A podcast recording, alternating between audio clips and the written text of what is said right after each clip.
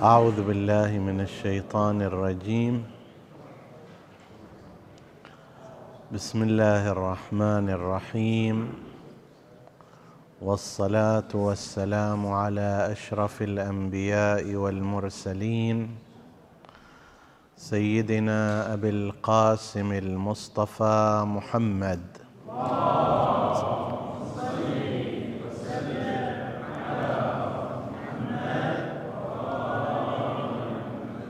وعلى أهل بيته الطيبين الطاهرين المعصومين المكرمين. السلام عليكم أيها الإخوة المؤمنون أيتها الأخوات المؤمنات ورحمة الله وبركاته. لا يزال حديثنا في بعض المغالطات الفكرية التي قد تنتشر في المجتمع وتحدث تضليلا في بعض الأحيان أو ارباكا على الأقل في أحيان أخر. وقد ذكرنا في وقت سابق أن المنشأ في ذلك هو أن هناك نظامين ثقافيين وفكريين. هناك النظام الغربي في الحياة والفلسفة العامة التي يتبناها هذا النظام. بمعنى أنك لا تتصور مثلا أن انحراف المجتمع في الغرب أن الوصول إلى حد تقنين الشذوذ في الزواج بحيث يصبح زواج الرجل برجل والمرأة بامرأة امرا ليس فقط طبيعيا وإنما هو قانوني لو أن احدا اعترض عليه يستطيع ذلك الشخص أن يحاكم المعترض في القضاء وأن يعاقب هذا هذا المعترض لماذا اعترضت علينا؟ لماذا انتقدتنا؟ هذا ليس فقط أمر شهواني ليس أمر انحراف سلوكي فقط. وإنما هو معتمد على فلسفة على نظام ثقافي أسس المجتمع الغربي على هذا النظام انطلق من هذه الفلسفة. ولذلك ما تراه أنت بعيدا عن الفطرة بعيدا عن الأخلاق بعيدا عن الشهامة بعيدا عن الدين بعيدا عن كل القيم الحقة هو يراه ضمن فلسفته امرا عاديا وطبيعيا. وتم تغيير المجتمع الغربي خلال عدة قرون حتى وصل إلى هذه النتائج. مثل ما أكو نظام ثقافي يحكم خلفية القوانين في الغرب كما أن هناك فلسفة تنطلق منها أنماط الحياة الغربية. في المقابل أيضا هناك نظام ثقافي. هناك فلسفة تنطلق منها أسس الحياة في المجتمع المسلم. المجتمع المسلم لا يمشي هكذا وإنما ينطلق من فلسفة. ينطلق من نظام. عندما يتقيد هنا بهذا الشكل وينتهي هناك عن ذلك الأمر ويقوم بهذا العمل. يصلي يصوم يمتنع عن المنكرات إلى غير ذلك. هذا مو هو يسويه هكذا وإنما ينطلق من نظام ثقافي هو الإسلام وأحكامه. ينطلق من فلسفة هي كونه عبدا هذا الإنسان لله عز وجل وأن حياته في هذه الدنيا هي تحت رعاية ربه وأنه جاء ليعبد الله سبحانه وتعالى في مختلف النواحي. حتى إعمار الأرض هو عبادة حتى الزراعة هي عبادة. إصلاح البيئة هي عبادة. كلها ضمن هذا النظام. الذي يحصل ماذا؟ حتى تصير هالمغالطات اللي تنتشر في مجتمعاتنا يأتي جماعة يتشبعون بالثقافة الغربية ويحاولون أن ينقلوا بعضها غير الفج. ما ينقل إليك مباشرة تشريع الشذوذ ولا تشريع التعري وإنما ينقل إليك فكرة الحرية الشخصية. هذه تتناغم مع الإنسان. أنا حر كيفي جسدي ملكي اختياراتي بيدي ما حد إله حق يتدخل في أمري. انت عليك بي انت عيش حياتك وأنا أعيش حياتي.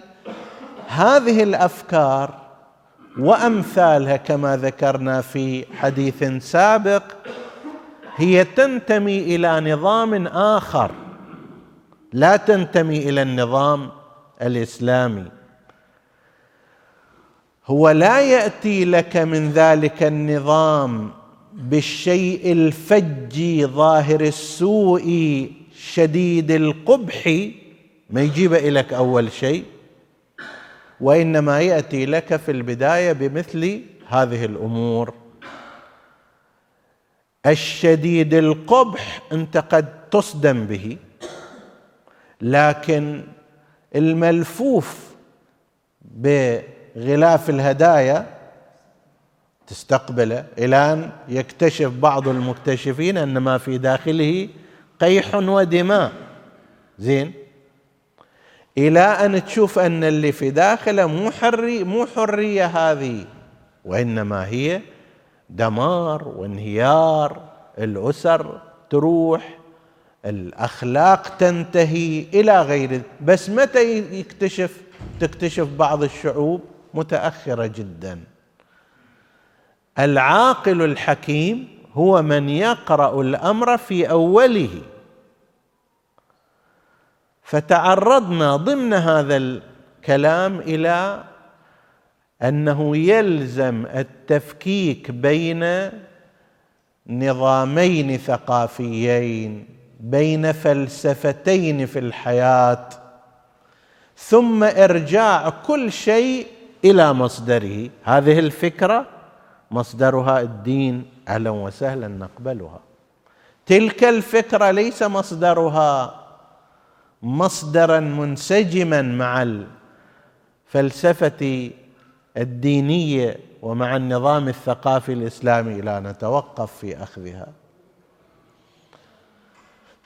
الذي قام بهذا الدور غالبا فئة ممن يطلق عليهم بالمثقفين. أحسن من هذا يعطون ألقاب رواد الحداثة. طبعا لما واحد يقول هذا رواد الحداثة جدا لقب لطيف. ليش إحنا نبقى على رواد القدم والعتق حسب التعبير والحالة الرجعية؟ خلينا نروح إلى الحداثة وما بعد الحداثة هالكلمات هذه من الأفكار المغالطات من أفكار المغالطات التي تبث في وسائل الإعلام وعلى ألسنة بعض هؤلاء فكرة أن الدين شيء ومعرفة الدين شيء آخر والذي هو عند العلماء والمراجع والفقهاء مو الدين هذا. وإنما هو معرفة دينية اجتهاد أفكار حول الدين معلومات. أما الدين نفسه مو هذا. شي يريد يقول بعد ذلك؟ يقول لك نعم الدين على راسنا. نحترم الدين نقدر الدين لكن هذا الموجود في الرسالة العملية مو دين. هذه آراء هذه معارف هذه ثقافة دينية. الدين أهلا وسهلا به. أما ما جاء مثلا في كتاب عقائد الإمامية في أمر العقائد وما شابه. لا هذه مو دين هذه فكرة حول الدين. هذه ثقافة حول الدين. الدين مقدس هذا الأمر مو مقدس. ما إله قيمة.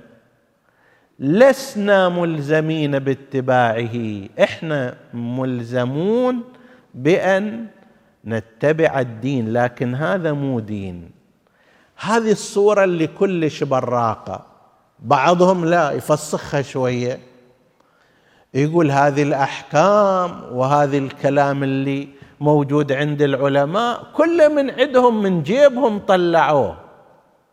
زين؟ ما جاء به الله عز وجل وإنما هو من جيوبهم حتى يسيطروا على المجتمعات.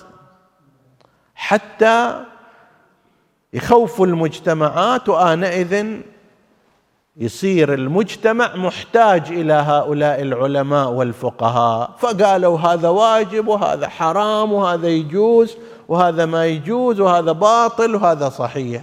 هذه بعد شوية تتقشر هنا الفكرة. هناك صار الكلام لا الدين محترم لكن هذا مو دين هذه معرفة دينية. معرفة دينية ما لها قداسة القداسة للدين. إذا أرادوا أن يقشروها شوية طيب يقول لك هذول العلماء جابوا أحكام وكلام من جيوبهم هالشكل. غايتهم أيضا إحكام القبضة والسيطرة على المجتمعات. طيب زين نجي أمام هذه الفكرة. نقول طيب هذا هذا الموجود مثلا في الرسالة العملية وكتب العقائد مو دين. معرفة دينية. وينه الدين؟ شوفوني أين الدين؟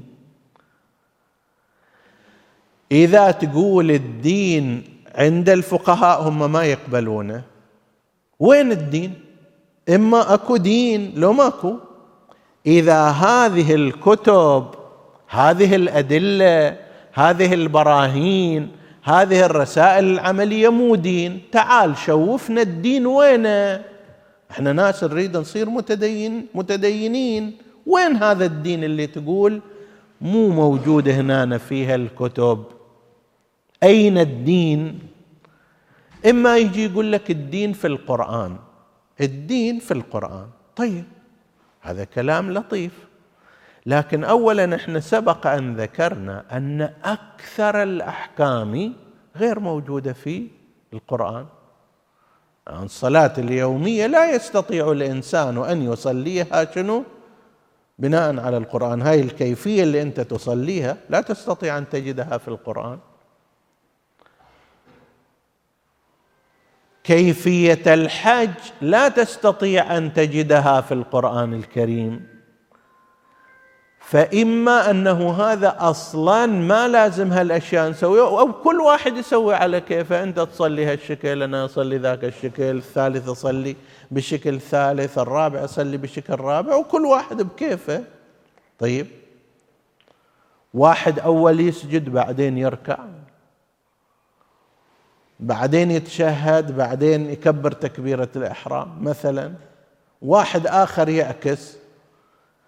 لو فرضنا في مكان واحد أربعة إجوا وأرادوا أن يصلوا بناء على ما جاء في القرآن من الممكن أن واحد يصير هالشكل. لأنه ما في ترتيب. ما ندري أن الركوع قبل السجود ما ندري أن القراءة قبل الركوع ما ندري أنه أربع ركعات في صلاة الظهر ما ندري أن ثلاث ركعات في المغرب ما ندري أن ركعتين في صلاة الصبح. فمن أين لنا هذا؟ هذا سبق أن تحدثنا فيه. عندما أرادوا أن ينفوا سنة الرسول والمعصومين قالوا أنه فقط من القرآن. زين إجينا تقول الدين في القرآن من الذي يعرف هذا؟ الغالب أن مقصودهم إحنا يعني نحن الذين نتكلم لكم. اتركوا الفقيه اتركوا العالم الديني.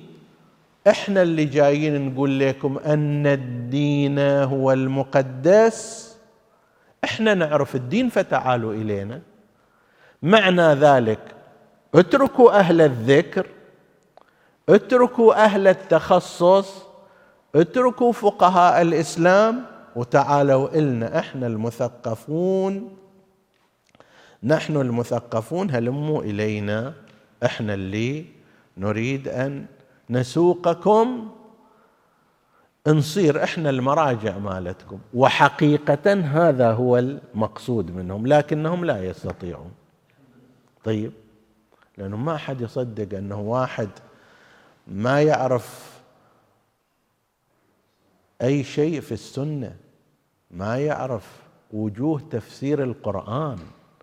استوى بسم الله الرحمن الرحيم قرأ إلى كم كتاب فيه بعض المصطلحات من هنا وهناك. أنا أجي أسلم قيادي إله في طريق الجنة أو النار؟ أي مسألة من المسائل الشرعية تسأله لا يستطيع أن يجيب فيها إجابة سليمة. أنا أجي أخلي قيادي الديني بيد هذا يتقاذفني يمينا وشمالا؟ طيب.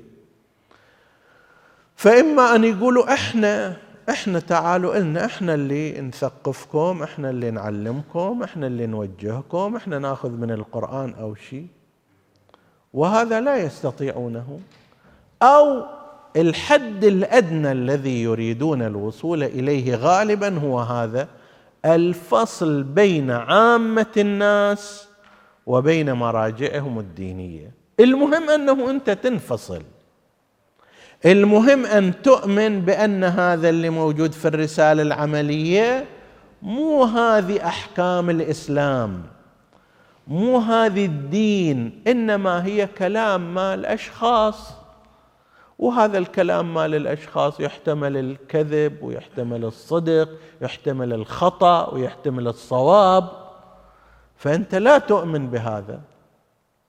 هذه فكرة يركز عليها أنه أنت من الذي يضمن لك أن هذا الموجود في هال الكتاب الفلاني والرسالة العملية وعقائد الإمامية وأمثال. شنو يضمن لك أنه هذا صحيح؟ قد يكون غلط وأنت طول هالمدة ماشي غلط. طيب. هذه هم مغالطة أخرى ها؟ وجه المغالطة ما هي؟ أنه أنت غير المتخصص. لو أنا لجأت إليك واستمعت إلى آرائك وتبين أنها خاطئة لا عذر لي عند الله. زين؟ بينما لو استمعت إلى المتخصص حتى لو تبين أنه خاطئ أنا معذور. ومثاله العرفي هذا لو ذاك البعيد إن شاء الله لا تصابون بأي مرض ويعطيكم الله الصحة والعافية. ذاك البعيد لنفترض له كان عنده مشكلة قلبية. وراح إلى واحد من عامة الناس أو ممن له بعض المعلومات عشاب على سبيل المثال. وقال له أنا عندي وجع في قلبي على سبيل المثال اعطاها مخلطه ميرميه على ما أدري ويش على كذا على ورد لسان الثور على جوزة الطيب على غير ذلك أخبطها هذا هم أخذها مثلا وودع الروح وسلم. زين. أي إنسان عندما يسمع هذه القصة يلومه. كيف يروح هذا الشكل؟ كيف يسلم حياته إلى شخص ليس من أهل الاختصاص ليس عنده خبرة طبية ما عنده كفاءة في هذا الجانب لأجل أنه فتح مثلا إلى دكان وجمع إليه من كل مكان أوراق وأغصان وزهور إلى آخره تروح إليه؟ في مرض مثل مرض قلبك؟ يلام على ذلك هو يخسر حياته ويلام على ذلك. لكن لو فرضنا راح هذا نفسه اللي عنده أزمة قلبية راح إلى مستشفى متخصص في أمراض القلب. وصادف أيضا أنه عالجوه وما استفاد ومات. هل يلام على ذلك؟ لا أحد يلومه. حتى لو مات يقال الرجل ذهب إلى طبيب متخصص كفؤ طيب بعد هذا أيضا كان حينه وكان أجله. لكن لو ما راح إلى المتخصص صاحب الكفاءة يلام على ذلك.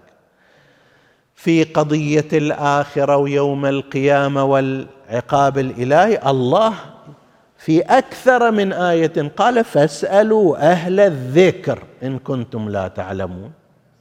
غير الدليل العقلي الذي يقيمه العلماء.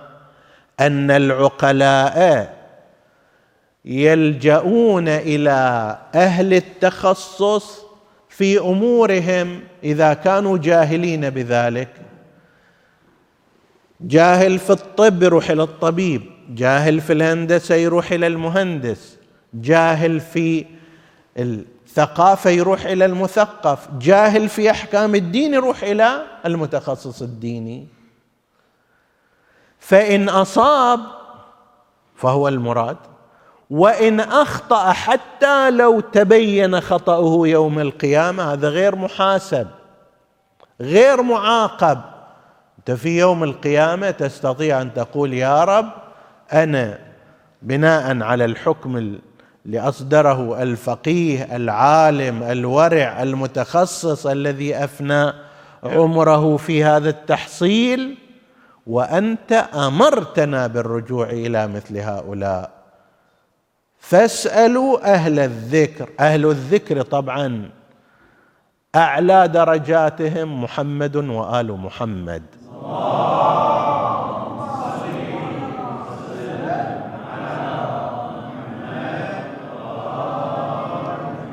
ثم بعد ذلك هي تشير هالآيات بل آيتان تشير وتشيران إلى القاعدة العقلية من أن من كان يجهل في فن من الفنون أو علم من العلوم عقله يجب أن يهديه إلى سؤال من هو عالم بذلك؟ رجوع الجاهل إلى العالم رجوع رجوع غير المتخصص إلى المتخصص هذا من أحكام العقول السليمة. فإن أصاب الواقع فهو المراد وإن لم يصب الواقع لم يعاتب في الدنيا ولم يعاقب في الآخرة. فالكلام لما يجي يقول هذا معرفة دينية واللي إحنا نقدسه الدين كلام باطل. هذه المعرفة الدينية حجة شرعية. هذه المعرفة الدينية التي ينتجها العالم المتخصص والفقيه المتبحر هي أيضا حجة شرعية. اعتمدت من الناحية الشرعية أمر الله باتباعها. لذلك لا يقال أنه هذه ثقافة هذه معرفة دينية هذه آراء فلان هذه آراء بشرية هذا كله كلام باطل غير صحيح. هو كلام ناقص. نعم هي معرفة دينية نعم هي آراء بشرية ولكنها أيضا حجة شرعية ممضاه شلون أنا إذا أكتب وصفه طبية ما ينبغي أن يؤخذ بها؟ لابد أن يصدقها شنو؟ وجود شهادة طب عندي حتى يعمل بهذه الوصفة الطبية. فلو عمل بها وحصل ضرر لهذا الإنسان المتعالج تبين أن الواقع على خلاف هذه الوصفة تضرر أكثر مات أكثر. هو يعاتب وأنا أعاقب أيضا. أنا أعاقب كيف تصديت إلى أمر ليس من شأنك؟ أنت مو طبيب ما عندك تخصص في هذا الجانب. حتى إذا قاري بعض المقالات حتى إذا تعرف أسماء بعض الأدوية لكنك لست كذلك. ولهذا قانونا يعاقب هذول أصحاب الطبابة اللي ما عندهم ما يصدق ذلك يعاقبون قانونا وهم معاتبون اجتماعا ويوم القيامة أيضا يعاقبون. كذلك بالنسبة إلى الإنسان المتصدي للأوامر الدينية. الأمر الديني أخطر أيضا من أمر الطب والبدني والأمور الدنيوية. هناك إما خلود في الجنة أو لا سمح الله في الطرف الآخر فيحتاج إلى شدة الاحتياط فيه. يحتاج إلى ان أنا أروح أدور المتخصص من الناحية العلمية والورع من الناحية العملية والسلوكية بحيث لا يميل مع أهوائه. وأنا اذا أعمل بما جاء به طبقا لما ورد. فاسألوا أهل الذكر إن كنتم لا تعلمون. من المغالطات التي تشاع في أجوائنا الدينية والثقافية القول بأن الدين وإن كان مقدسا إلا أن ما ينتجه العلماء والفقهاء هو معارف دينية بشرية لا قدسية فيها. هذا كلام غير صحيح. الدين مقدس لكن الدين مو ثريا. الدين هو عبارة عن تفصيل الأحكام والذي يناله ويطاله هو أهل الذكر في قمتهم الأئمة ثم بعد ذلك علماء الدين المتخصصون السائرون على منهاج الأئمة. هؤلاء ينتجون معارف دينية ولكنها حجة شرعية ولكنها ممضاة. فلو أن انسانا اتبعها حتى لو تبين يوم القيامة أن هذا المرجع كان مشتبه في هذا الحكم الفلاني. أنا لست محاسبا. أنا اتبعت نظام اتبعت قانون قرآني وعقلي أو عقلائي. فاسألوا أهل الذكر إن كنتم لا تعلمون. نسأل الله سبحانه وتعالى أن يعيننا على الالتزام بأحكام ديننا. وأن يوفقنا إلى ذلك إنه على كل شيء قدير وصلى الله على محمد وآله الطاهرين.